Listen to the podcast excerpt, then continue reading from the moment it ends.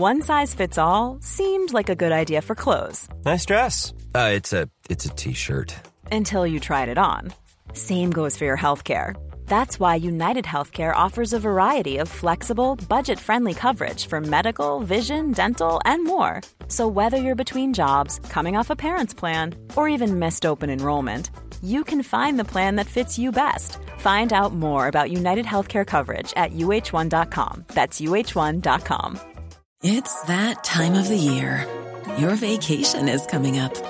You can already hear the beach waves, feel the warm breeze, relax, and think about work.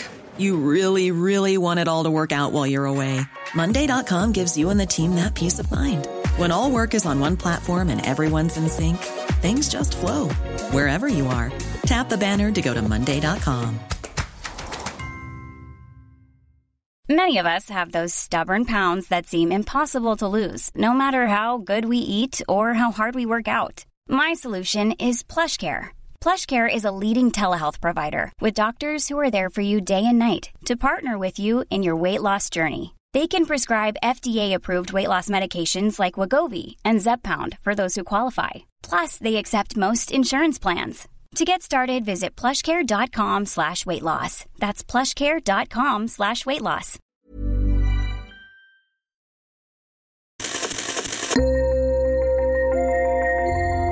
P1, Sveriges Radio. Alltså Hamas som organisation, den är terrorstämplad, det nämnde vi tidigare. De flesta bedömare menar att deras mål är att etablera en islamistisk stat och utplåna Israel. Kan man inte ha båda de här tankarna i huvudet samtidigt när det pågår ett krig mellan två parter? Alltså jag som intellektuell, jag fördömer inte, jag förklarar. Och om man tittar på varför Hamas uppkom så måste man titta på det som hände efter Osloavtalet. Där PLO la ner vapnen i utbyte mot att de skulle få en stat, vilket de inte fick. Och det tomrummet har Hamas fyllt. Det spelar ingen roll vad vi sitter och säger här i Sverige, vad vi tycker eller vad vi inte tycker. Däremot så finns det en historisk lag som säger att där det finns förtryck, där finns det motstånd. Där det finns en ockupation, där det finns kolonialism, där det finns apartheid, där kommer motstånd uppstå. Så, det, det kan sättet- inte utplånas. Och med det du kan- sättet att resonera är det som skedde den 7 oktober, eh, Hamas attack mot israeliska civila, är det att betrakta som motstånd enligt ditt sätt att se det? Vet du vad, det som jag sa till dig, vi är intellektuella, vi fördömer inte, vi förklarar. Och det är det som skiljer oss från propagandister som till exempel Erik här på DNs ledarsida som talar om vad man får och inte får tänka. Så du Din tycker roll ingenting i i den frågan? offentligheten, Erik, är fångvaktens i tankens fängelse. Så fort en tanke försöker fly så säger du tillbaka in i cellen. Du pekar ut alla som tänker annorlunda. Då får vi släppa in Erik Helmersson. Wow, vad är det som händer?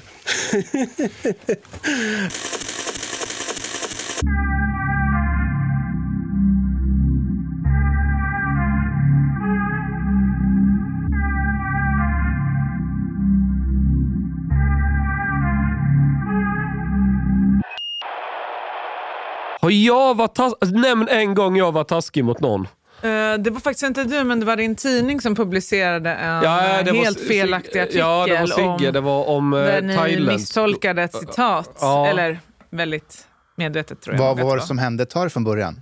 Ehm, nej, men det var ju då som jag hade blivit intervjuad av en tidning som heter Ottar. Jag tror det var RFSUs tidning. Så var det nog. eh, om eh, trafficking. Och jag hade sagt då att ehm, det här ordet sexarbetare som många prostitutionsliberaler använder, Ja. det är ju ett ord som inte torskarna själva använder. Alltså de säger ju inte så här, jag ska åka till Thailand och träffa en sexarbetare. Utan de säger så här, jag ska åka till Thailand och skaffa billig fitta. Jaha, Ni skrev då, Eke Sekman, kolon, thailändskor är billiga fittor. Ja, det var Sigge Det ledde till det. att jag fick Ja. Sveriges män och deras thailändska fruar efter mig. Plus thailändska ambassadören. Åh fan. Mm. Ja. Och du vet ju själv att det där stämmer ju inte med det jag menade. Ja, nej, ja, det var till mitt försvar. Det var inte jag som skrev artikeln, utan jag upptäckte det några dagar senare och så var hela debatten redan igång. Men godkände du inte du eh, texterna innan? Det är väldigt få Som- texter jag läser i förväg. Folk har ganska stor frihet när de skriver. Men du har ju erfarenhet som ansvarig utgivare. Nej, inte ansvarig utgivare, men du var ju Jo, chef. nu är det. Är du nu? Ja, Var någonstans? parabolpress. Bara, bara. Eh, har ni inte läst den? Nej.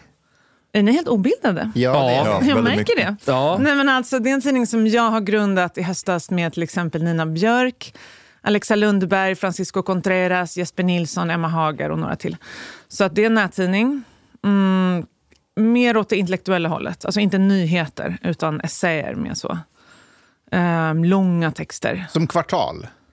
Um, jag vet inte riktigt faktiskt. Känner du till Kvartal? Ja, jag känner varit till. Jag har varit med i någon podd och sådär, men jag kanske inte läser den jättenoga. Men, men det här är alltså mer så analyser, de behöver inte vara aktuella. Det är inte kanske vad hände igår, utan det kan ha varit vad hände de senaste 20 åren. Typ så. Och hur funkar det? Blir man eh, så prenumerant eller är det gratis? Alltså både och. Du kan vara prenumerant och det är gratis. Så att du får läsa ändå även om du inte är prenumerant. Och sen så vill du bli det så kan du betala så mycket du vill. Typ. Men får man lite extra när man betalar? Eller? Nope. Ingenting? Okay. Det är donation Nej, rakt man är bara trevlig tror jag mot tidningen. Man hjälper till liksom att uh, Det är The Guardian, Guardian-modellen? Ja, men lite så. För att uh, Problemet är ju idag att det finns så många tidningar. Ingen prenumererar på alla. Och om du vill dela en artikel idag med dina kompisar så får ju du typ tio kommentarer. Så här, det är betalväg, den är låst. Så att det är tråkigt, då kan du inte diskutera den. Så att vi vill ju undvika det där. Jag måste säga grattis till, du vann ju mot Arbetet.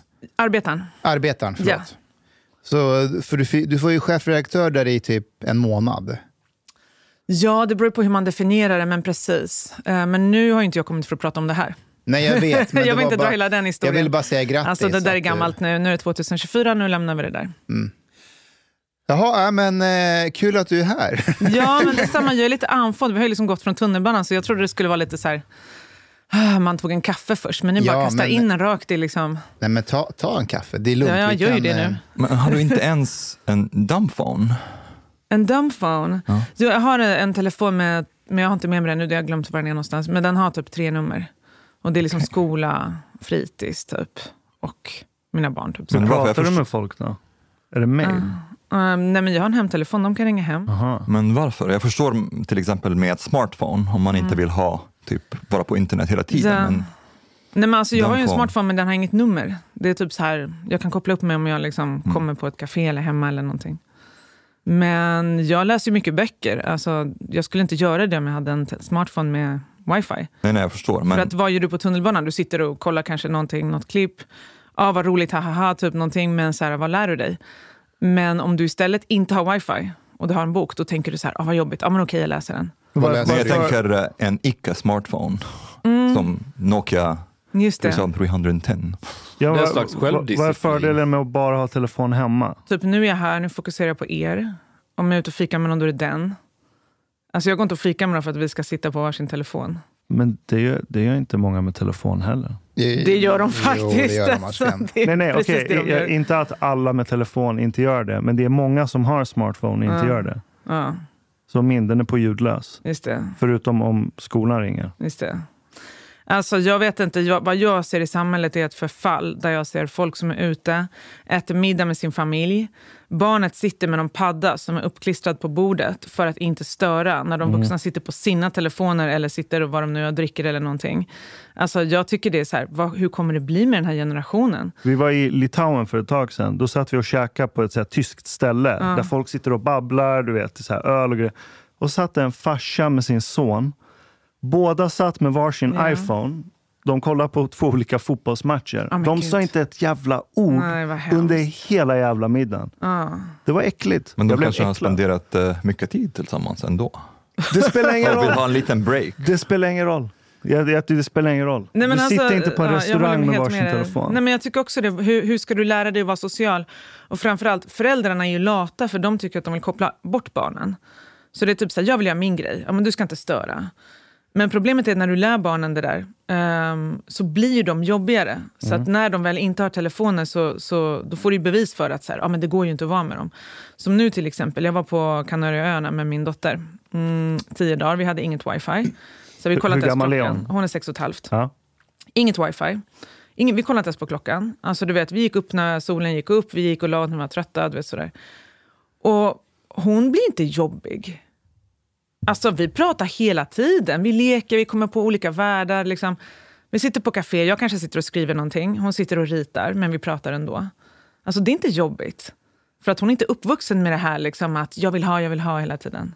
Jag håller med. Min är också sex och ett halvt. Det, det var strikt förbud, förutom begränsade tider, Aha. sen några år sedan.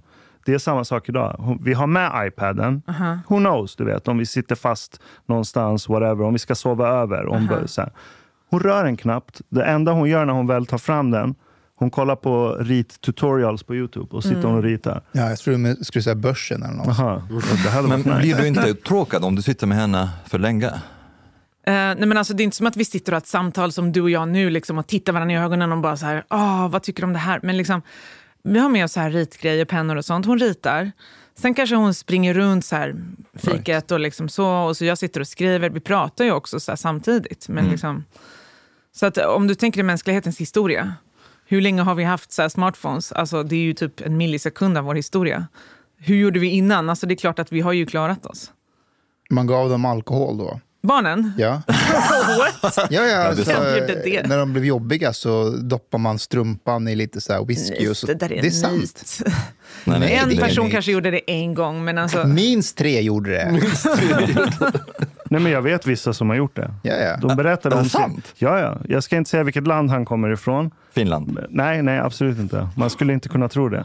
Men då berättade han det och jag trodde inte på honom. Sen frågade hans föräldrar. De bara, ja, ibland. Man, de svårt Okej. att sova, förkyld. Man doppar nappflaskan i lite whisky. Sorry, jag var ute förut. Jag håller på att kolla efter sashimi. Har ni någon eh, favorit? Men alltså, du ja, behöver inte just hämta sashimi. Men jag frågade bara, så här, ska vi sitta i två timmar utan lunch? För att vi kommer ju bli jättehungriga. Vi skulle kunna gå och äta efteråt. Alltså jag äter ju precis på vissa tider, så att om jag inte får mat så kanske När, bara... vilken tid måste du få i dig mat? Mm, egentligen typ 12.30. 12.30. Ja, men det är, 12.30 då. Ställ in mat och sovklocka det på finns ett ställe 12.30. som heter Chaka Chaka Hornstull. det är en sån här eh, bowl. Okej. Alltså, finns jag vill bara ha Caribbean sashimi, inte Sunset. en massa annat. Jag vill bara ha fisk. Fisk. Mm. All right. Har du en speciell diet? Eller? Mhm. Ja. Vad äter vad, du? vad är det för diet? Nej, men det är en diet som jag fick av min PT för några år sedan, som jag har lagt av med, men som jag började med nu igen. Och det är liksom att du äter vissa saker, så att till exempel ja, typ 12.30 du ska äta bara protein, inte något annat. Och frukost då? Mm, fyra ägg. Som du typ gör en omelett av eller någonting. Men Det är nästan keto, eller? Nej, du är, alltså, det är bara olika tider. Och sen så du äter typ fem gånger om dagen. När, när, kommer, när fixar du mat? Eh, jag kan fixa nu om, om... Kan jag bara ha friheten att beställa vilken mat som helst till er? Alltså jag kan beställa sushi från Lulu Sushi. Ja, men kör på det. Ta, ta Lulu sushi, sashimi till Kajsa, ingenting till mig. Och ta det till 12.30. Okej. Sen tar vi matpaus Jag, jag där vill och så kommer vi tillbaka. heller. Jag har en macka med mig. Under, under tiden Hanif brottas med eh, beställningen där så jag har ju en fråga till Kajsa. Jag blev ju anklagad för ett år sedan för att ha sabbat Sveriges NATO-ansökan. Okej. Hur ska jag, om du missade den detaljen? Det har jag nog missat. Du får berätta. Oj. Lite nej, kort, nej, lite nej, ta kort. inte det från början. Jag ska ta det Ja. väldigt kortfattad. Eh, Min gode vän Mattias Våg ringde mig. Jag berättade i förväg att nu ska eh, hans kompisar och lite PKK-anhängare eller vad det nu är för några. Okay. Rojava-kommittéerna, de skulle ha en demonstration på Norrmalmstorg. Och så sa han det hade varit kul om någon från hö höger ut också körde samtidigt. För då, då blir det liksom en bredare liksom det här. För det det var ju då när Kristersson och de kröp för Erdogan. Vilket också retar mig. Så jag ringde runt lite folk, galningar på högerkanten. Någon av er som skulle vilja göra något också den här dagen. Jag kan liksom pröjsa en demonstrationsavgift eller något annat eller sådär och så hittar ni på något bara. Det är bara så att det blir lite, händer lite. Men ja, ja visst, och de körde på. Då ringde de ju upp eh, Rasmus Paludan som brände Koranen utanför Turkiets ambassad. Och då fick jag all skit för det för jag hade betalt demonstrationsavgiften. Och så fick, fick jag skulden för att eh, eh, det kraschade NATO-ansökan. Och, och, och, och det vill Och man nu ju... är du stolt. Ja, det vill man ju inte ha. Eller? vill du ha cred eller vad vill du att jag ska säga? Nej, jag tänkte, hur tycker du jag ska göra för att återupprätta förtroendet för alla som vill gå med i NATO? Vill du det? Nej, jag skojar med dig. Nej, Men du är jag, inte jag, emot NATO? Va? Vad sa du? Du är inte emot NATO? Jag har varit kritisk mot NATO tidigare. Nu är jag lite mer... Ah, jag tror NATO håller på att falla isär. Jag tror inte det... Och då ska det vi lika gärna gå med eller? vad sa du? Då kan vi lika gärna gå med. Hur Ja, om vi ens kommer med. Jag tror Turkiet kommer ju hålla på och tramsa om detta. I, de kommer säkert fortsätta ett år till. Ungern med. Jag tror att förr eller senare kommer nog folk inse att i första hand så bygger man ett eget totalförsvar. Eh, det, det, det, det, finns en lite falskhet i att lita på att alltid USA ska komma och hjälpa en eller något annat land. Eh, du, så här. Att du har en brandvarnare hemma, det kan inte du ersätta med ett avtal med försäkring. För brinner det så brinner det. Och hinner du inte ut i tid så hjälper det inte att du har en fin försäkring. Du dör ändå. Det, är lite, eh, det blir en falsk trygghet lätt att man litar på andra länder om du inte gör din egen hemläxa först. Ja, det är mycket bättre i en position om du har ett starkt försvar själv. Då kan du själv bestämma sen din linje geopolitiskt. Om du vill, ha- om du vill gå med i NATO eller om du vill ha andra eh, liksom, samarbeten med, med, med omvärlden. Vad, vad tänker Kajsa? Ska vi ha ett eget starkt försvar eller gå med i NATO? Alltså, min ingång i NATO är ju inte riktigt den. Det är inte som att min ingång är hur ska vi försvara Sverige. Jag ser inte det som det stora problemet. Alltså, vi har inte något säkerhetshot mot oss överhuvudtaget. Och eh, vi har inte haft någon militär allians på 200 år. Funkat jättebra. Och det är inte för att folk har varit livrädda för att vår armé är så jättefarlig. Det är för att man inte varit intresserad. Vi har inget av intresse här just nu. Men det finns ett hot mot Europa dock. Mm, va? Jag Tycker tänkte inte typ, typ Ukraina. Förklara. Ryssland, Ukraina, Moldova, Baltic Ryssland, States. Ukraina och Moldova ska attackera Europa? Eller hur menar du? Du förstod vad jag menade. Nej, inte riktigt faktiskt. Alltså, hur vad, menar vad, du? vad, vad trodde du att jag menade? Att om Ryssland expanderar till Ukraina och sen tar de Moldova Varför och så skulle kommer de göra det? Varför skulle de komma hit? Ja, och- jo, men Inte det, Sverige. Exakt. Nej, men, Men Baltikum, Estland, Litauen. Polen. Alltså, jag har nog en annan analys av det där kriget. Vill jag tror inte, ja, vi kan prata lite om det med, men kanske lite brief. Men jag tror inte att Rysslands primära mål var att expandera som en Napoleon, liksom, att lägga under sig Europa. Utan jag tror att primärt handlar det ju om att stoppa Natos expansion österut. De vill inte ha Nato på mm, sin dörr. Liksom. Står där och knackar på. Och eh, jag tror att det var en slags markering att nu, nu hit men inte längre. Så jag tror att när det gäller just Sverige och det här så, så är inte det relevant överhuvudtaget. Men- Sen tycker jag absolut att det ska finnas ett NATO, men jag tycker i så fall att det ska vara Latinamerika ska ha ett eget NATO, Afrika ska ha ett eget NATO, Mellanöstern ska ha ett eget NATO. Eh, därför att tittar man på vem som har orsakat de flesta krigen och de flesta döda nu i modern tid så är det ju Europa och USA, det är de forna kolonialmakterna. Så att det som behövs är att resten av världen försvarar sig mot dem. Med, med den logiken, om Finland som en fristående nationalstat väljer att gå med i NATO. Enligt din logik kan inte Ryssland då säga nu kommer NATO för nära in på så då ska vi gå in och ta Finland också. Om, om det är det som är deras Jag har inte sett några sådana signaler från dem. Nej, men om det är det som är deras modus, att om NATO kommer för nära vår dörr, då behöver vi agera. Så om Finland väljer som fristående nationalstat att gå med i NATO, Men jag tror inte de har tid att starta ett nytt krig just nu. Nej, inte Nej, just men nu. på sikt. Ukraina-kriget. Man, man förbereder sig ju. Ja, alltså, jag tror att de tycker det var olyckligt att Finland gick med. Jag tycker också att det var olyckligt att Finland gick med. Men jag tror inte de har något intresse just att ta över Finland som det ser ut nu. Jag har inte hört alls några sådana tecken. Skulle du bli ledsen om ryssarna tog över Finland? Alltså om jag blir ledsen, det spelar väl ingen roll vad jag tycker. Skulle du bli inte- ledsen om Israel tog över Palestina? Det skulle det nog bli. Eh, Men hur menar du? Det är ju precis det de har gjort. Ja, men det är samma sak. Hade du inte känt någonting om, om ryssarna hade tagit Finland? Nej, men alltså, det är inte så här, jag jag liksom agerar inte utifrån känsla. Det är Nej, inte så jag gör nej. mina analyser att jag tänker, åh vad blir jag ledsen av? Okej, nej. Eh, Eller jag vet inte, det kanske finns någon som gör det, men då är man ju oprofessionell. Alltså det du måste göra är ju en analys av världsläget och se vad leder saker till. Vad får det för konsekvenser? Och sen är det klart att du har någon slags moral. Det är klart att du blir eh, beklämd när massa människor dödas, särskilt barn som det sker nu i Gaza. Så att du måste ju någonstans ha känslor. Men du kan ju inte bara agera utifrån känslor. Nej, nej, men det är, det är väl vettigt. Ja. Man ska aldrig agera från känslor. Tycker du? Mm, Inte alls då eller? aldrig. Men tror du inte ändå att känslor kan vara ett viktigt instrument att använda i sin analys någonstans? Annars kan det ju bli helt cynisk. Då kan det ju vara så här, ah, atombomben skiter väl jag i om det dog liksom eh, 100 000 personer. Det är, inte, det är bara liksom folk, det är inte viktigt. Nej, jag, jag, jag tror att, eller jag tycker att man ska tänka på det man vill uppnå. Mm. Och vad behövs att göra för att uppnå det. Bara det. Så är, eh, eh, man brukar säga så att eh, utifrån det perspektivet, om det är så att alla medel helga medel. Eller hur man Alla, alla, eh, eh, ändamålen helgar medlen. Ändamål är helga medel. Nej, till Så exempel om vi, om vi tittar på Israel-Palestina-konflikten Mm. så det är väldigt uppenbart att Hamas kan inte existera. För att Det är din åsikt. Ja, för att fred, eller det är mångas åsikt.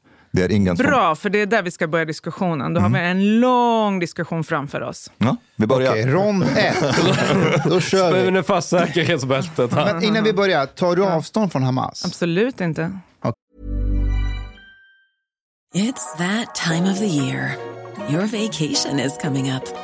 You can already hear the beach waves, feel the warm breeze, relax, and think about work. You really, really want it all to work out while you're away.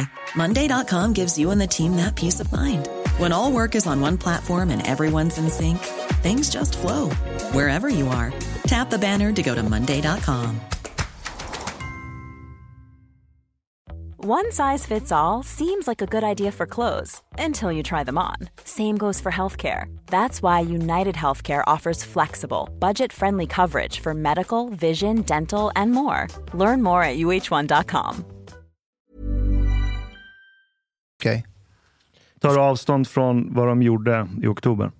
Alltså, jag tror man ska fråga sig så här, vad ledde fram till det, varför hände det och så. Det är klart att jag tycker det är fruktansvärt när civila dör. Det är ingen som vill att civila dör. Liksom. Men sen Det tror är jag, inte jag... bara civila dör. Det är civila blir torterade, slängda i ugnar, våldtagna och Du, det där kan vi ha en skurna. eh, fact-check på det här med ugnarna faktiskt. Låt oss. Eh, Men för att gå tillbaka till början av historien så är det ju så att Israel ockuperar ju ett land som inte är deras. Vi kan ju börja Början, där. när- om man inte vi? fattar det, 1948, om man inte förstår det så kan man ju inte förstå vad som hände Mm. överhuvudtaget. Historien den börjar inte 1948 dock, När börjar historien då? Du som vet. men med Israel. När du gjorde ett påstående, du kan ju förklara hur du menar. Ja, ja. Men varför, varför bara börja med 1948? Vi kan börja i vad? Innan, innan Christ även. Historia är narratologiskt. Vi sätter själva start och sluttiden beroende på det narrativ vi vill driva Det fram. judiska Så är det. folket. Det är De det uppstod i viktigaste. Israel. Nej, men, men är det inte början? Människan, Homo sapiens, uppstod i Afrika, neandertalarna uppstod i Europa.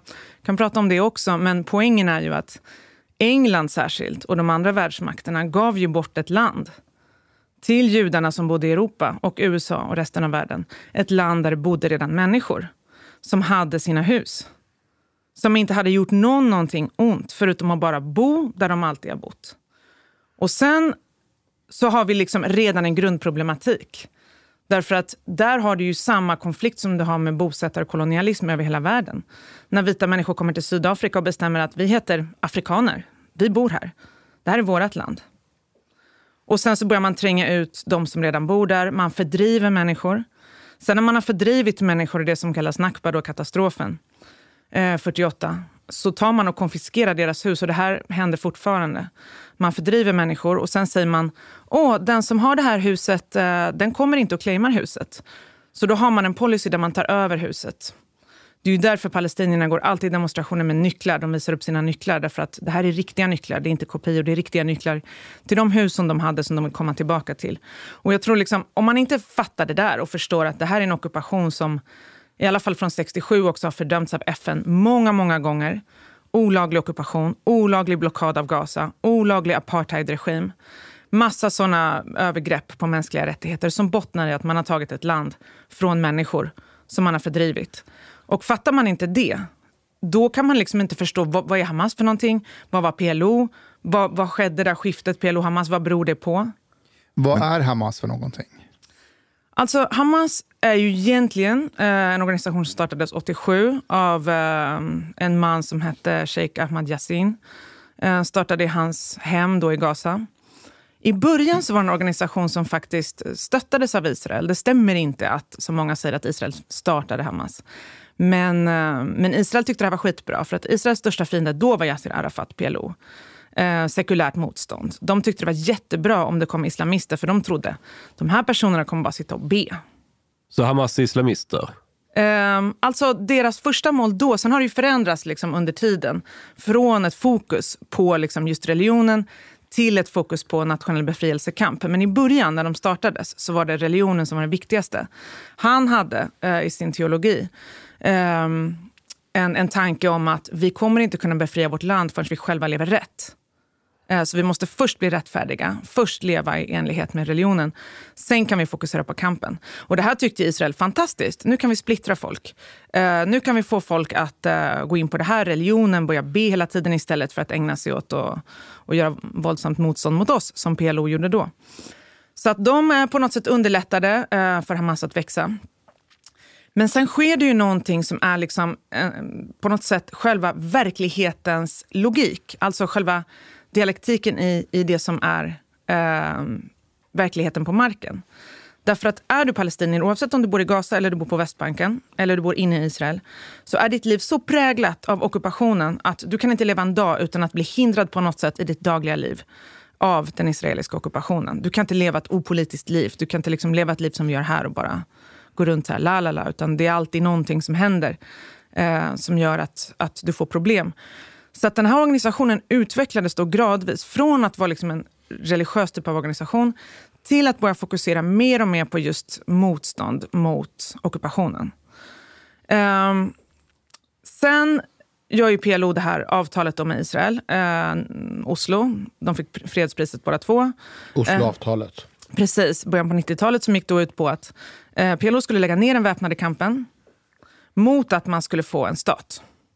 Mot att bosättarna skulle dras tillbaka. Eh, det här var det många som var hoppfulla inför. De tänkte äntligen, vad skönt. Sen blev det inte så. De fick inget land. Israel fortsatte att öka bosättningarna. Var det inte så att de skulle få Gaza? Nej, det här kom senare. Ah, okej. Det här kom senare i mitten på 2000-talet. Det berodde på helt andra... Att de lämnade över området Gaza till för att, de, för att palestinierna själva skulle styra över det och ha demokratiska val och så. Vi kan komma till det sen, men det var i alla fall en annan grej. Det var inte med Oslo. Utan Oslo Nej. gick framförallt ut på att man skulle ha en tvåstatslösning. Ehm, och palestinierna gjorde ju en historiskt, liksom, vad ska man säga, väldigt, eh, en kapitulation menar ju vissa. För att de gav ju bort stora delar av det som var deras ursprungliga krav. Liksom. Varken 48 eller 67 års gränser fick de ju, utan 22 procent av landet skulle de få bara. Men i alla fall så skulle de få ett land de skulle kontrollera själva. Så har det ju inte varit, utan Israel har ju fortfarande alltså militärt eh, och politiskt kontrollen över hela det som har varit Palestina. Men de hade inte kommit överens än- ändå, då, i Oslo. jo, de kom exempel, överens. De skrev ju på avtalet. Eller hur menar du? De, de till exempel när det gäller Jerusalem, Mm. de var inte överens om vad skulle hända med Jerusalem. Just det, men, eh, men i alla fall det blev ett avtal och sen så infriades inte då det som Israel skulle ha gjort i det här avtalet. Så gjorde de inte det. Eh, Men PLO hade ju lagt ner vapnen. Så vad som hände var att eh, de skulle få en egen palestinsk polis till exempel. Men den polisen skulle ju samarbeta med den israeliska säkerhetstjänsten. Så vad händer med den här rörelsen som har varit en befrielserörelse? Händer att de börjar liksom bli mer och mer Israels förlängda arm. Om Israel säger så här, den här personen vill vi inte ha, kan ni arrestera den? Ja, men då gör de det, liksom, palestinska myndigheten. Då, då börjar de göra det. Så de börjar samarbeta. Så att, vad händer då? Det växer ju ett behov av så här, vem fan ska vara våra... Vem ska göra motstånd nu då? Okej, och då får ni komma ihåg att det här är början av 90-talet. Vad har hänt då i hela världen? Alla vet att muren har fallit. Socialismen världen över var inte den stora lockande kraft som den hade varit. Eller hur? Så här, den var liksom moraliskt ganska bankrutt. Så vad växer istället då? I hela världen växer religionerna istället. Som ja, något annat. Liksom. Kristendomen växer i Polen, liksom, islam växer i Mellanöstern. och Sådär. Um, och då är det på något sätt naturligt att Hamas börjar ta den där rollen som PLO hade haft som väpnat motstånd. Så att jag tror, det är därför, om jag, vi kan prata mycket mer om det här sen, massa intressant att säga, men jag tror liksom att poängen är, den som tror att så här, problemet är Hamas, bara vi tar bort dem så är det lugnt, då förstår man inte att så här, det här fyller en roll eh, som, som kommer naturligt av verkligheten. För att är du förtryckt så kommer du göra motstånd. Det spelar ingen roll vad du kallar dig, vilken ideologi du har, hur du kämpar, du kommer göra motstånd på något sätt. Så är det inte PLO som kan göra det, då kommer Hamas. Är det inte Hamas kommer någon annan komma. Så Det kommer alltid vara någon som står för motståndet. Och alla organisationer som kommer spela en roll i Palestina kommer behöva ha prio nummer ett, motståndet. Inte religionen eller något annat. Och det kan man se på Hamas utveckling. De har skrivit om sitt manifest till exempel. Alltså, mer och mer så har folk kommit in där. som är allt mer fokuserade på så här, befrielse från ockupation, mer än att vi ska sitta och be och bli rättfärdiga. Men det var innan dock Hamas hade i sin charter. Mm. Det var 1988, eller hur? 87 startade de och sen Ja. skrev de en charter. Vet du vem som skrev den? Nej. Nej, det var en gammal gubbe och alla skämdes ihjäl över den där charten. Och sen har hela omvärlden börjat göra en stor grej av det där. Och sagt så här, kolla vilken antisemitiskt manifest ni har. Och det är ju sant, där står det ju i det manifestet så här, Sions vice protokoll, bla bla, frimurarna, judarna. Alltså det är ju antisemitiskt det där. Men vad folk inte vet, om du läser böcker om Hamas så säger liksom alla på marken, så här, intervjuade inom Hamas, vi vill inte ha det där, men tog vi tillbaka det så skulle det ses som en kapitulation. Så vad vi gjorde var att vi ignorerade det där manifestet. Vi använde det inte i praktiken. Och sen har de skrivit ett nytt 1917, så kollar du på det står det där. Eh, vi har inget problem med judarna. Vi har problem med den sionistiska ockupationen. Och någonting som jag tycker uppmärksammas väldigt lite när det gäller Hamas är så här. De har ju bestämt att de aldrig gör attentat utanför det som de menar då historiska Palestina. Så att du har sett, till exempel PLO har ju gjort attentat i Europa. Det har PFLP också gjort. Hamas har aldrig gjort det. De åker inte runt världen och gör någon slags global jihad. De har inte någon sån tanke. Men du tycker inte att Hamas är antisemiter? Um, alltså, det finns säkert någon där som är det, men jag tycker så här, om man tittar liksom på hur de har utvecklats så har de utvecklats snarare bort ifrån den ideologin än mot den ideologin. Om man skulle Hamas rent politiskt på en höger-vänster-skala, går det att placera dem på en sån skala någonstans? Nej, jag tror det är svårt. Okej. Jag tror det är svårt. Du nämnde innan att Hamas från början var ganska religiöst orienterat. Mm. Eh, och och du, du sa också att när, när socialismen föll, då blev det religion, fick en starkare fäste runt om i Mhm. världen. Skulle du hellre föredra att folk var mer socialister än religiösa? Alltså, jag är ju socialist, men det är inte som att jag sitter och bara, vad ska alla tycka i världen? Alltså förstår du, återigen liksom. Eh, Men vilken ideologi tycker du är bäst? Eh, tycker du att, vill du ha, alltså, om du nu fick eh, ha någon vision om framtiden för världen, vad tror du hade varit bäst? Hade, eh, liksom, är det att socialismen kommer tillbaka, som, att den är mer ersätter religionen kanske? Eller? Jag tror, jag tror det är svårt att föreställa sig en... Alltså jag är socialist, ateist. eh, Eller agnostiker kanske jag är snarare. För jag vet faktiskt inte alls hur det står till där uppe. Nej. Jag är beredd att bli överraskad när som helst. Men eh, eh, kanske händer något mirakel en vacker dag. Så plötsligt så ser man ljuset, vem vet. Men är du neutral till religion som koncept? Alltså, jag, jag är liksom realist på det planet. Jag tror inte att det går att föreställa sig en värld där liksom det inte finns religion. Hur mycket förtryck skulle inte det innebära om du skulle ta bort alla religioner? Det går ju inte. Ehm, det är ju någonting som existerar. Sen tycker jag inte att eh, ett idealt samhälle för mig personligen uh, styrs inte av en religion. Däremot finns det religionsfrihet. Du får utöva din religion, men inte så att religionen styr liksom, hela samhället. Utan samhället ska ju vara neutralt på det sättet. Tycker jag själv. Sen så kan jag ju se liksom att det som händer i Palestina, det finns liksom en sak och det är ockupationen. Allt annat kommer på plats, inte ens två, utan plats liksom hundra. Så att alla andra är liksom, eh, problem som en människa kan ha i sitt liv. Liksom, ah, du är gay men du får inte visa det. Liksom. Du är kvinna och känner dig förtryckt. Du är arbetare och du får dåligt betalt. Alltså, allt det där. Eh, jag skulle inte säga glöm det, men liksom, prio nummer ett där är ockupationen. För det är ju liksom det som gör... Särskilt nu är det ju så här, det handlar ju om att leva och dö. Men det, det är en sak jag inte förstår. För jag tänker, du, du nämner Hamas, hur deras charter såg ut från början, Mm. men sen att de har reviderat det. Men om vi tittar på det realistiskt, Mm. eller vad jag tycker är realistiskt. Du har en grupp som börjar, eller som startas med grov antisemitism Mm. som en del av deras drivkraft. Det, det, det tror jag inte man kan förneka. I ett område i världen och en kultur i världen där antisemitismen frodas väldigt starkt. Eh, Det märker du idag också. Eh, Personer du hänger med som kommer från den världen har, i alla fall en stor andel av dem, en viss skepsis till judar och judendom överlag. Men sen att du har en organisation som jobbar med vad de kallar för frihetskamp och haft en charter som bygger på antisemitism och utrotning av judar. Och så har de skrivit om den här charten. Mm. Och när du berättar det så låter det som att ah, men de har skrivit om det, så de har inget intresse av att förinta judar och förinta Israel som stat. Så det där behöver inte... Fast nu är det två olika Men saker. Israel Förinta judar och Israel som stat, det är inte samma sak. Nej, okej, men vi, om vi bara håller oss till förinta judar, eller att judar är ett problem. Alltså, är inte det en För det första, när du använder ordet längre? förinta så är det ju ett historiskt laddat ord. Det måste du ju känna till. Absolut. Alltså, du pratar ju om nazistiska förintelsen i industriell skala. Så jag tror att det där ordet, liksom, när du talar i en, eh, i en eh, palestinsk kontext så är det ju liksom, eh, ofta medvetet använder folk det ordet för att man ska dra paralleller till vår skuld i Europa, det som Europa gjorde. Alltså, jag skulle säga, jag har ändå varit med i Palestinarörelsen sedan början av 2000-talet. Jag skulle säga att det finns ingen rörelse som har så lite antisemitism. Alltså, så fort det har dykt upp någon Jeppe, och det är ju alltid någon som kommer och ska liksom komma in i rörelsen som har såna idéer. Eh, Jag vet inte om du kommer ihåg den här poeten Mohammed Omar som har bytt ideologi 500 gånger. Han fick ju något ryck där, jag vet inte om det var 2008 eller liknande, där han plötsligt gick från att var någon slags poet till att plötsligt skulle han vara islamist, tyckte han. Och han kom in och hade antisemitiska idéer. Så han blev bortmotad från demonstrationerna. Rörelsen sa så här, vi vill inte ha dig där. Men Hamas då? Alltså i Sverige pratar jag om. Ja, Han var ju från Sverige. Vi pratar om Plattan, vi pratar inte om eh, Hamas. Ja, ja, ja. ja men Fortsätt. Eh, ja, jag ska bara komma till saken. Så att liksom, man har arbetat medvetet med det där. Och jag skulle säga att det är genuint ohederligt att anklaga palestinier som kämpar för sitt land och sin befrielse för antisemitism.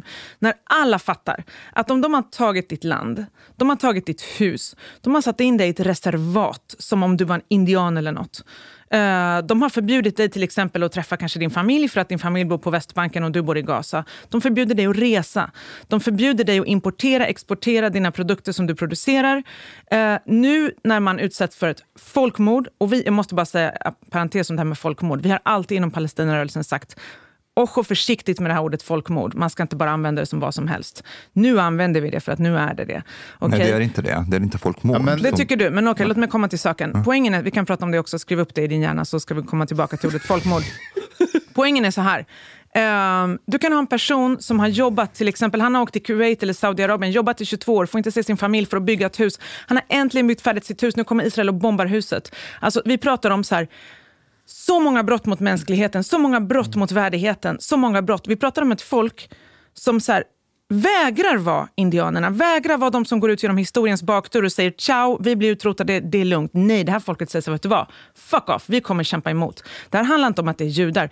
Vem som helst hade blivit förbannad på någon som har gjort allt det här mot en. Om svenskarna hade åkt dit och tagit deras hus och gjort allt det här, de hade hatat oss. Om holländarna hade gjort det, de hade hatat dem. Och trots allt det här så ska jag säga att man är extremt medveten, och nu pratar jag om Palestina, inte andra områden i världen, just där, och i rörelsen, extremt medveten om att skilja på judar och sionister. Jag har Men- pratat men- med människor i Gaza, Men- till och med människor som är men- inne i Hamas. Men det är jättemånga termer. Jag, jag, vi, vi måste bena igenom dem tror jag. För att först, Hamas, finns det antisemitism där eller inte? Är det bara en förtäckt politiskt drag att man har ändrat sin charter? Det är det ena. Man har ju inte ändrat charten. Charten Jo. är väl som den är. Nej, 2017, har man skrivit om Ja. den. Så, så det är ena. Det, det andra är folkmord. För att debatten är ju vad den är för att det finns en premiss om folkmord och utrotning. Eh, Så, så jag tror det är viktigt att vi definierar de här sakerna och vad vi menar när vi säger dem. Eh, Men, men om, så om vi börjar med Hamas och sen går till folkmordsbegreppet. De har ändrat sin charter, korrekt. Men och, och, och du säger att det fin- man jobbar väldigt hårt i Palestinarörelsen säger du, med att vara emot antisemitism. Yeah. Men jag skulle säga att internet håller inte med. Alltså det, Ja, men då så, vad ska vi ha Nej, men till? vänta. Ja, men vänta. Vi har ju Jag- internet. Jag, jag menar inte att jag läste i någon blogg. Jag menar att om du tittar på vad folk säger, vad de lägger upp för Men videos. vilka folk? Människor från den delen av världen som bor där eller bor i andra delar och som också är en del av vad de kallar för Palestinarörelsen och frihetsrörelsen för Palestina. Om du lyssnar på långa podcast som är islaminriktade, där det kommer dit Palestinaaktivister. Det finns en genomsyrande antisemitism. Om man har växt upp och hängt med människor som har arabiskt ursprung så finns det mer ofta än sällan, tyvärr, enligt min erfarenhet, det behöver inte vara så universellt, antisemitismen är genomsyrande bland stora delar av befolkningen i Mellanöstern. Så att avskriva det från Palestinarörelsen, jag kan inte köpa det på rak arm.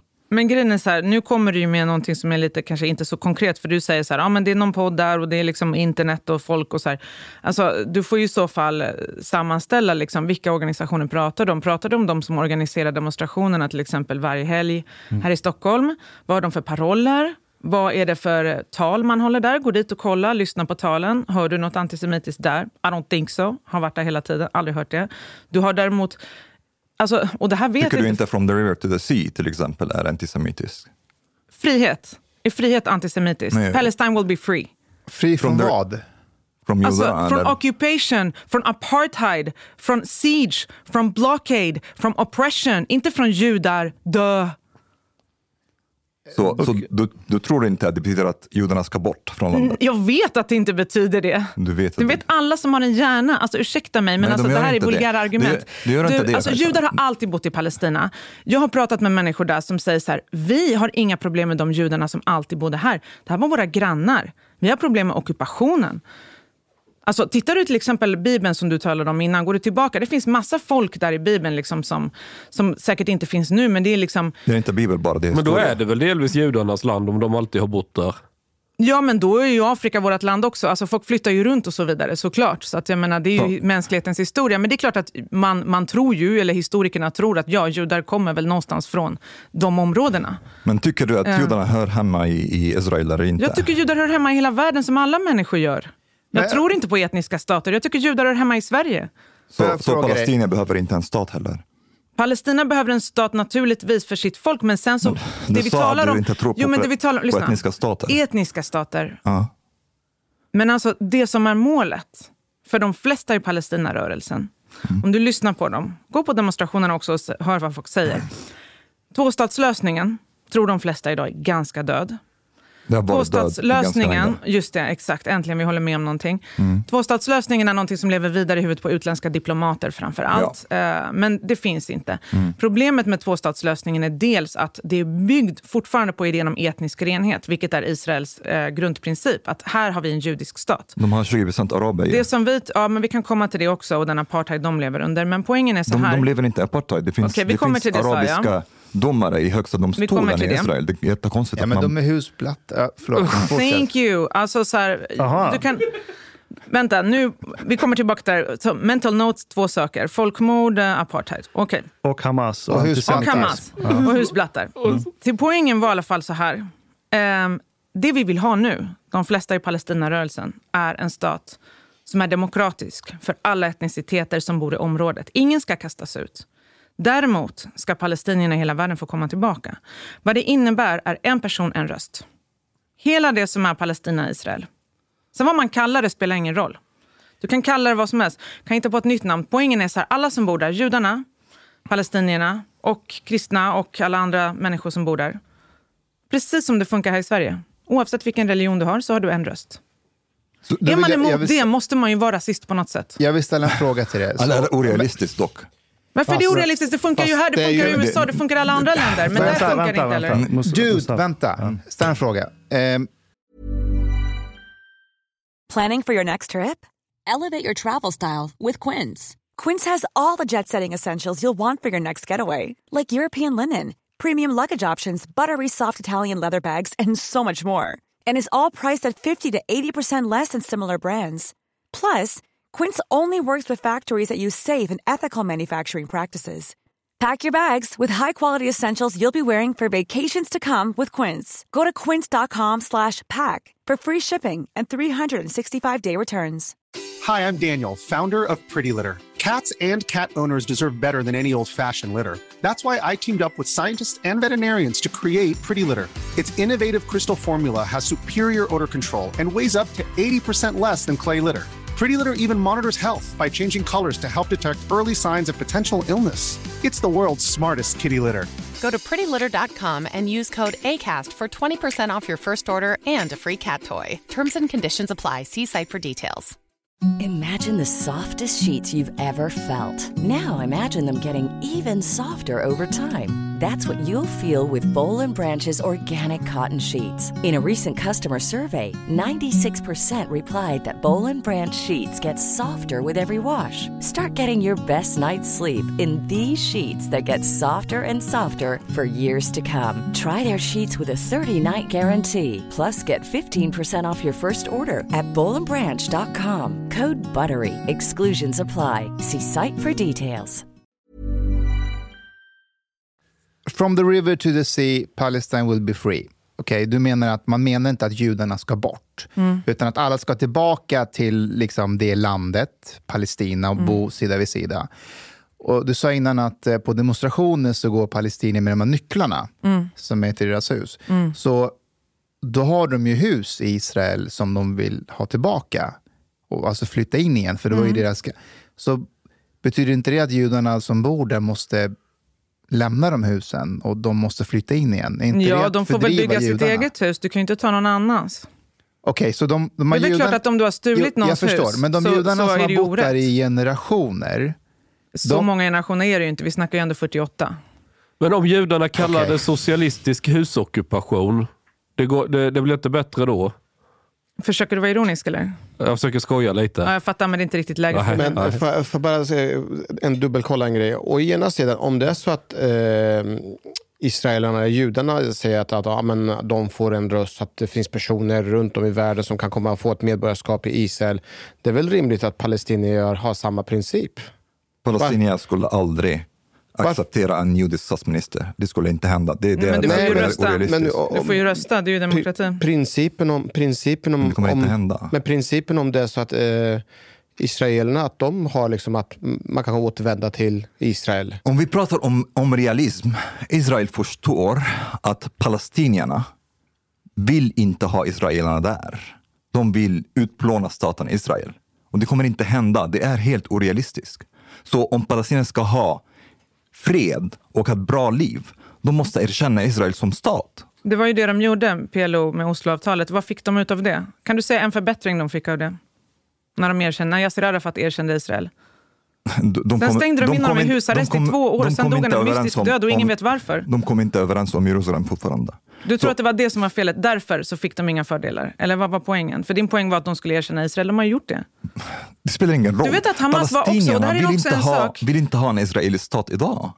Men det Så är klart de inte vill, för det är en etnisk stat som går ut på att de är, om de ens är medborgare så är de andra klassens medborgare. Om de inte är fördrivna, bombade eller satta i exil någonstans.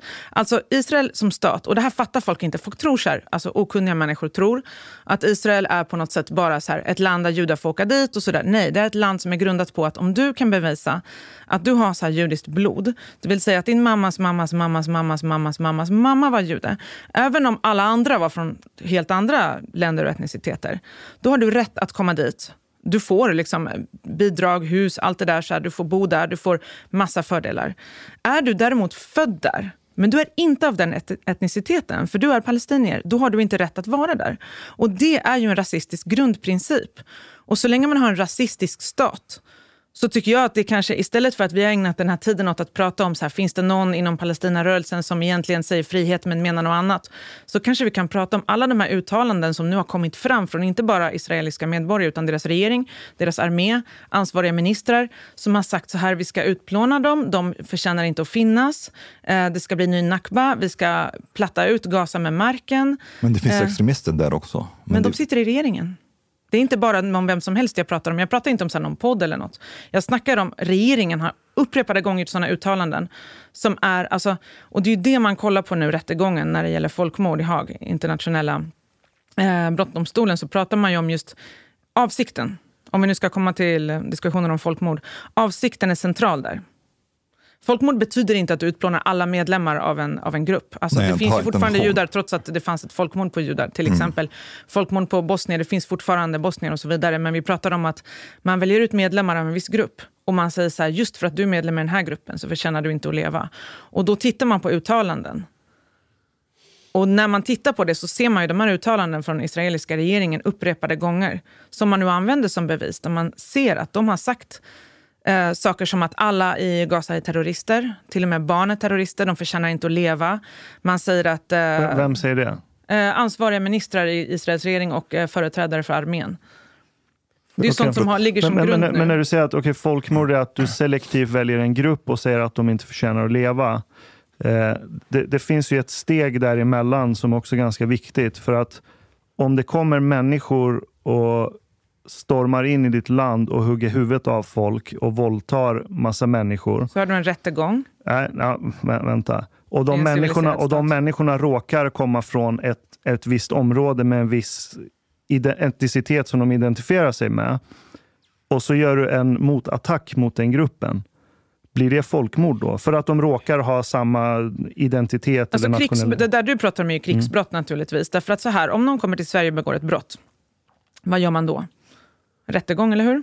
Rättegång mot Hamas. Vänta, om 2000 Rättegång mot de Hamas-terrorister kommer in i Sverige och Det är börjar krig. våldta folk och hugga huvudet av folk, ska det vi är säga inte nej, krig för att ett krig är mellan två arméer och Palestina har ingen armé. okej, Så Hamas är inte, är inte en militär makt. De är där. inte en armé. Det är Men inte ett lands armé det- på det sättet. Det är en terroristgrupp, ja. Men det, Terrorist tycker jag du ska undvika att använda, för det är ett extremt Nej, det laddat inte. begrepp. Så- som de- faktiskt inte den- betyder något, Lugn, förutom att du tycker att det är så här ett, en dålig grupp. Det är ju ungefär vad det betyder. Säger du terrorist, så betyder det så här, ja, jag gillar inte den här gruppen. Men vet du vad definitionen av terrorism är? Det finns många olika definitioner. Att Ja, men säg våld svensk- förs- att- svenska att med akademins våld- ordbok, Ja, hur Är det inte att med våld försöka nå en politisk... eh, Fram, alltså att du vill använda våld som politisk metod? Ja, urskillningslöst våld. Ja, Så som att skicka Så massa då- raketer men, men, in i okej, Så om Israel. du använder den definitionen, tror Ja. du på den definitionen? ja. Erkänner du då också att Israel är en terroriststat? De, för- så här. I 7 oktober, Hamas avsiktligen mördade civila. Okej? Israel gör inte det. De gör inte det? De gör inte det. De avsiktligen mördar inte man- civila. Efter man- 30 000 döda, man- var majoriteten är barn och medianåldern är Kajsa, fem år. Du menar att de avsiktligt inte mördar civila? Kajsa, i alla krig Men är det ett civila. misstag?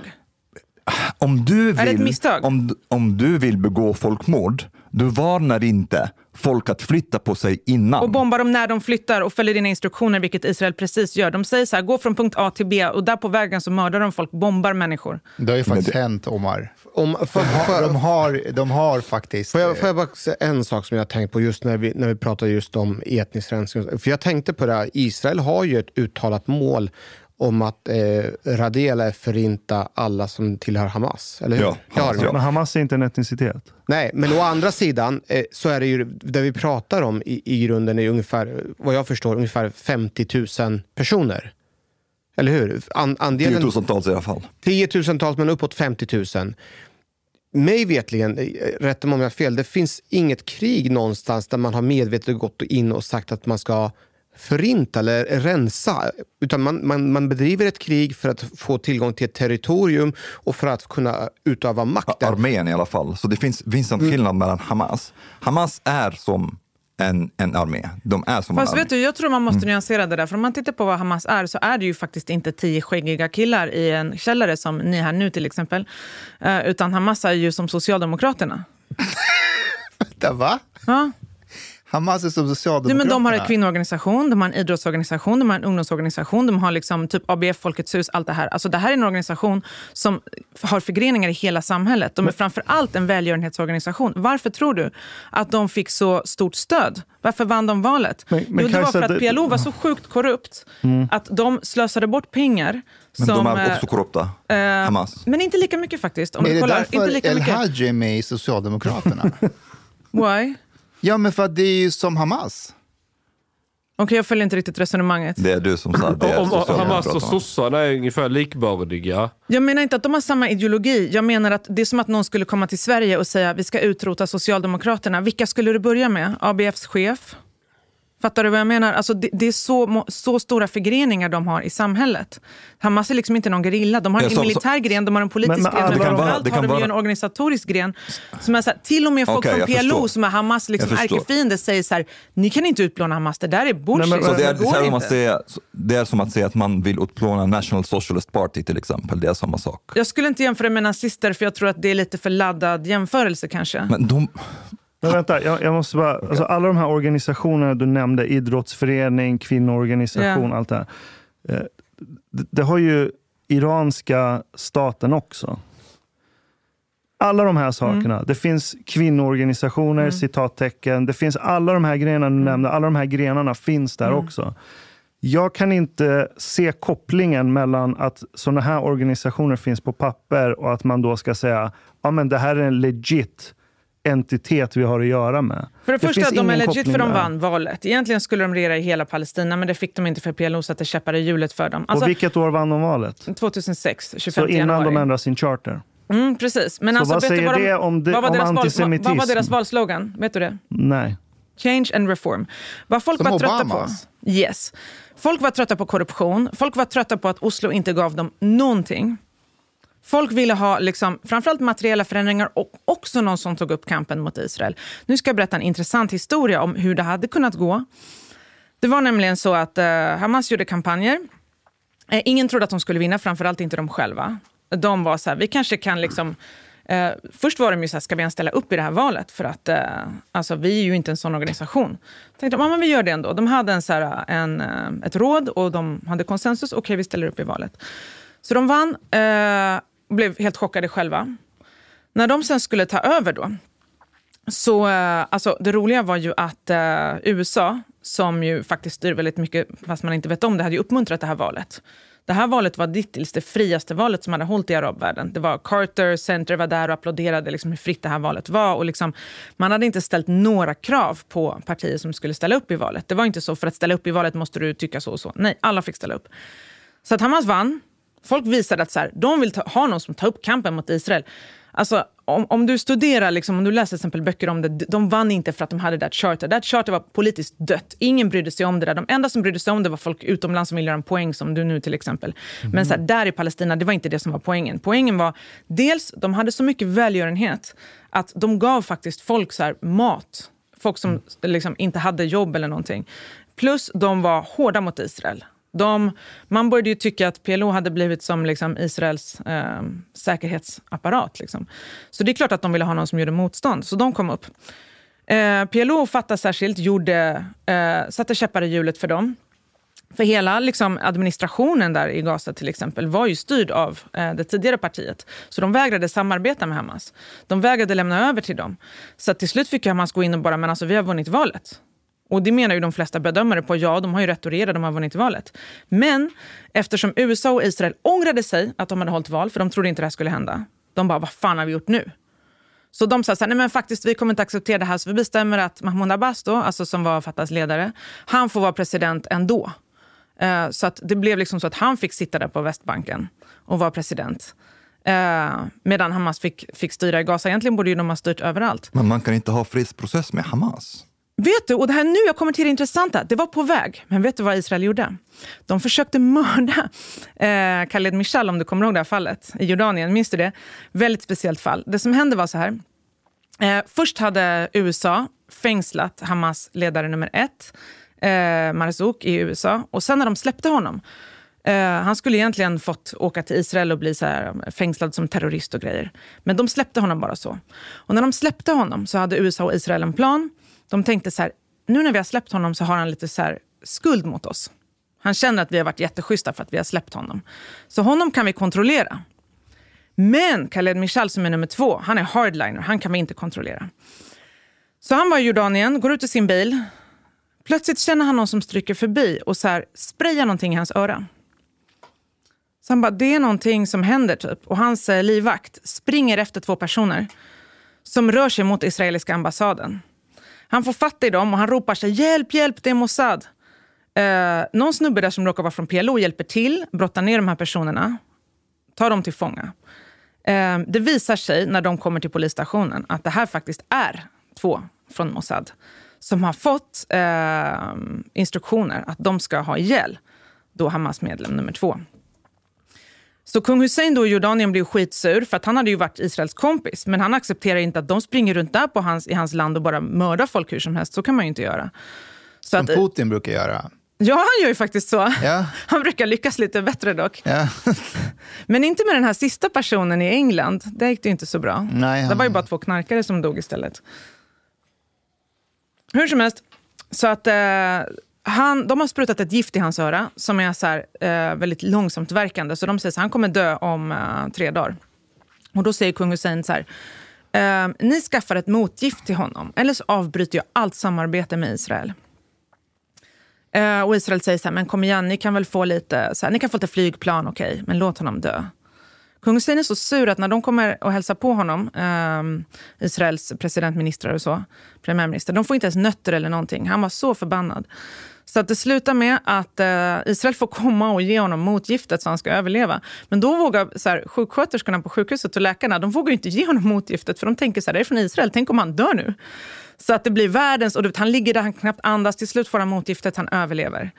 Eh, Innan dess så hade det faktiskt funnits diskussioner inom Hamas om att de ska på något sätt ha en hudna med Israel, en truce, de ska ha så här vapenvila. De har snackat om 30 års vapenvila från båda håll. Efter det här, det var ju kört. Det var helt kört. Vilket år var det här nu igen? Ehm, det här var... När fan var det här? Det var någon gång, kan det varit... Vi måste kolla upp det här. Kolla upp Khaled Michal mord, mordförsök, ni som sitter vid datorn. Men vapenvila för att förbereda sig för jihad, det är någonting annat. Men uh, Hamas håller inte på med jihad på det sättet som jag tror att de flesta människor förstår ordet jihad. Hur menar du? Um, alltså, när folk tänker jihad, de tänker sig al-Qaida, IS. De tänker folk som rusar runt i hela världen och begår dåd var som helst. Hamas vill befria sitt land framför allt. De vill inte ha någon global jihad. De är inte intresserade av att ha något kalifat i hela världen. De vill inte liksom, ja, så här, åka runt i Belgien och liksom blow things up. Det är inte deras grej. Så att man får skilja lite där. Jihad 97. Mot, 97, just det. jihad mot judarna i alla fall. Nej, det vill de inte ha. Det står ju i deras nya charter att det de vill ha är de vill ha bort den sionistiska ockupationen. De vill inte ha bort judarna. De har inga problem med judar. Det säger de ju uttryckligen. Men, Men alltså, jag förstår inte ens varför vi diskuterar det här. För att hela poängen är ju så här. As we speak så håller Israel på och mördar framförallt barn. Det är 30 000 nu som har dött. Vi ser det här framför våra ögon. Jag lovar att alla ni har sett de här klippen. Ni har sett klippen på barn som ligger under rasmassor och kan inte ta sig ut. Ni har sett klippen på alltså, barn som har förlorat armar och ben och sina föräldrar. Hur ska de kunna ha, hur Vems ska de kunna ha en det, framtid? Kajsa? Alltså, har ni sett de här? Ja, men jag, Ja, jag, jag har sett dem. jag har också, Ja, det jag har också det sett bilderna, jag har också sett bilderna på lemlästade ungdomar som är på ett rave. Men nu bytte du ämne. Nej, Jo, det gör jag inte. för nu pratar jag om det här och du bytte ämne. Nej, för att det finns en anledning till varför det här som sker nu sker.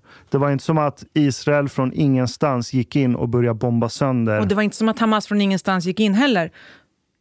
Det sker också på grund av någonting. Så, så Och vi, döda civila i, i musikfestival. Men ärligt talat, får jag fråga er två en grej eftersom ni så verkar vara så upprörda över det här. Eh, alla de palestinska civila som har dödats under åren, och ni måste ju ändå känna till att 2008, 2014, alla de här bombningarna av Gaza. ja.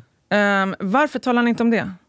Men det, det är samma sak som gäller där. Det är raketanfall mot Israel. Men som, civila pratar vi om nu. ja.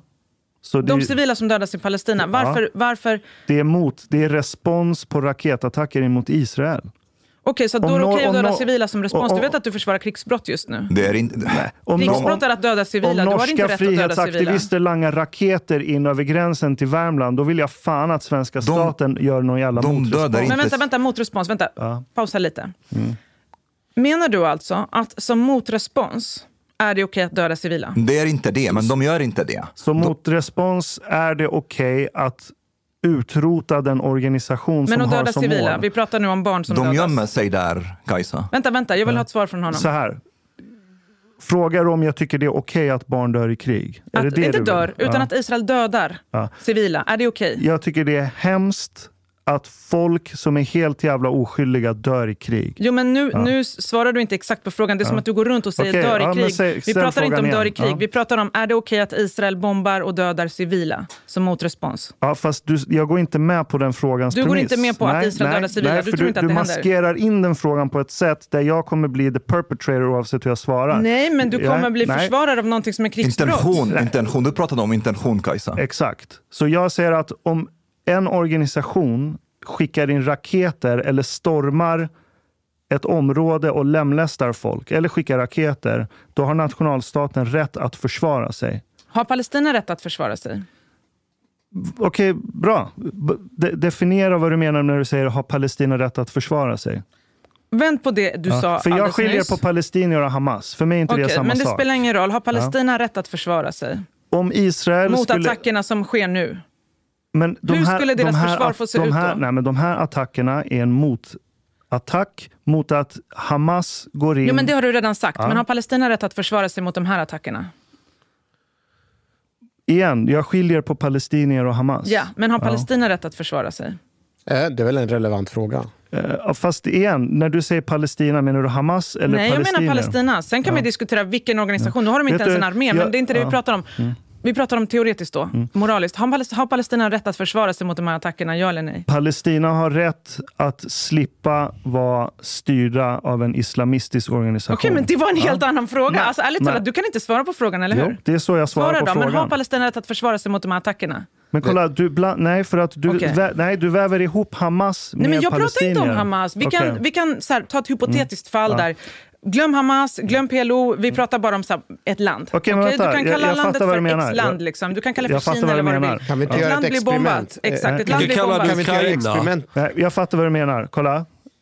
Is, om Israel vill komma åt Hamas och Hamas använder Nej, befolkningen... men det pratar jag inte om. Vi, då kom, okej, vi då kommer palestinier dö. Kajsa. Palestinier kommer dö. Palestinier som kanske hatar Hamas. Palestinier som inte vill ha någonting Mm, med det här still att not göra. the point. Vi Jo, pratar the point. fortfarande om, har länder rätt att försvara sig mot attacker? Du har precis försvarat den principen när det gäller Israel. Mm. Men kan du även försvara den principen när det gäller Palestina? Ja, om Palestina hade haft en armé som inte håller på med terrorism och går och lämnar... Vilken armé gör Ja. inte det? Ursäkta, men det är väl fan armés Ja, själva fast alltså, nu, nu, du kallar ju allting för terrorism. Då Nej, finns det inget terrorism annat har jag haft kvar. en definition på som kommer Ja. från Svenska Akademins Är ordbok. ryska vilket arméns är attack mot Ukraina terrorism? politiska mål. Är, är Rysslands invasion av Ukraina terrorism? Vet du, jag Okej. Du har lyssnat så här långt. På sista måltid. En mycket fin radioprogram i Sverige. Du tycker det är mycket trevligt. Men, lyssna på mig nu. Det här var inte hela avsnittet. Det var bara en liten smakprov. Hela avsnittet är nämligen mycket längre. Om du vill lyssna på alla hela avsnitten, då du måste betala biljet på klubb sista måltid. De har grabbarna de behöver pengar. Flis. Lax. Stolar. För att betala räkningar. Shoppa blodpudding till familjen. Oka tunnelbana. Eller dricka en kall Norrlands guld på uteservering ibland. Läs i beskrivning för avsnitt, där det finns information för att bli medlem på klubb Sista måltid. Det kostar som ett par kaffe latte ute på torget. Per månad. Som ett paketerbjudande, helt enkelt.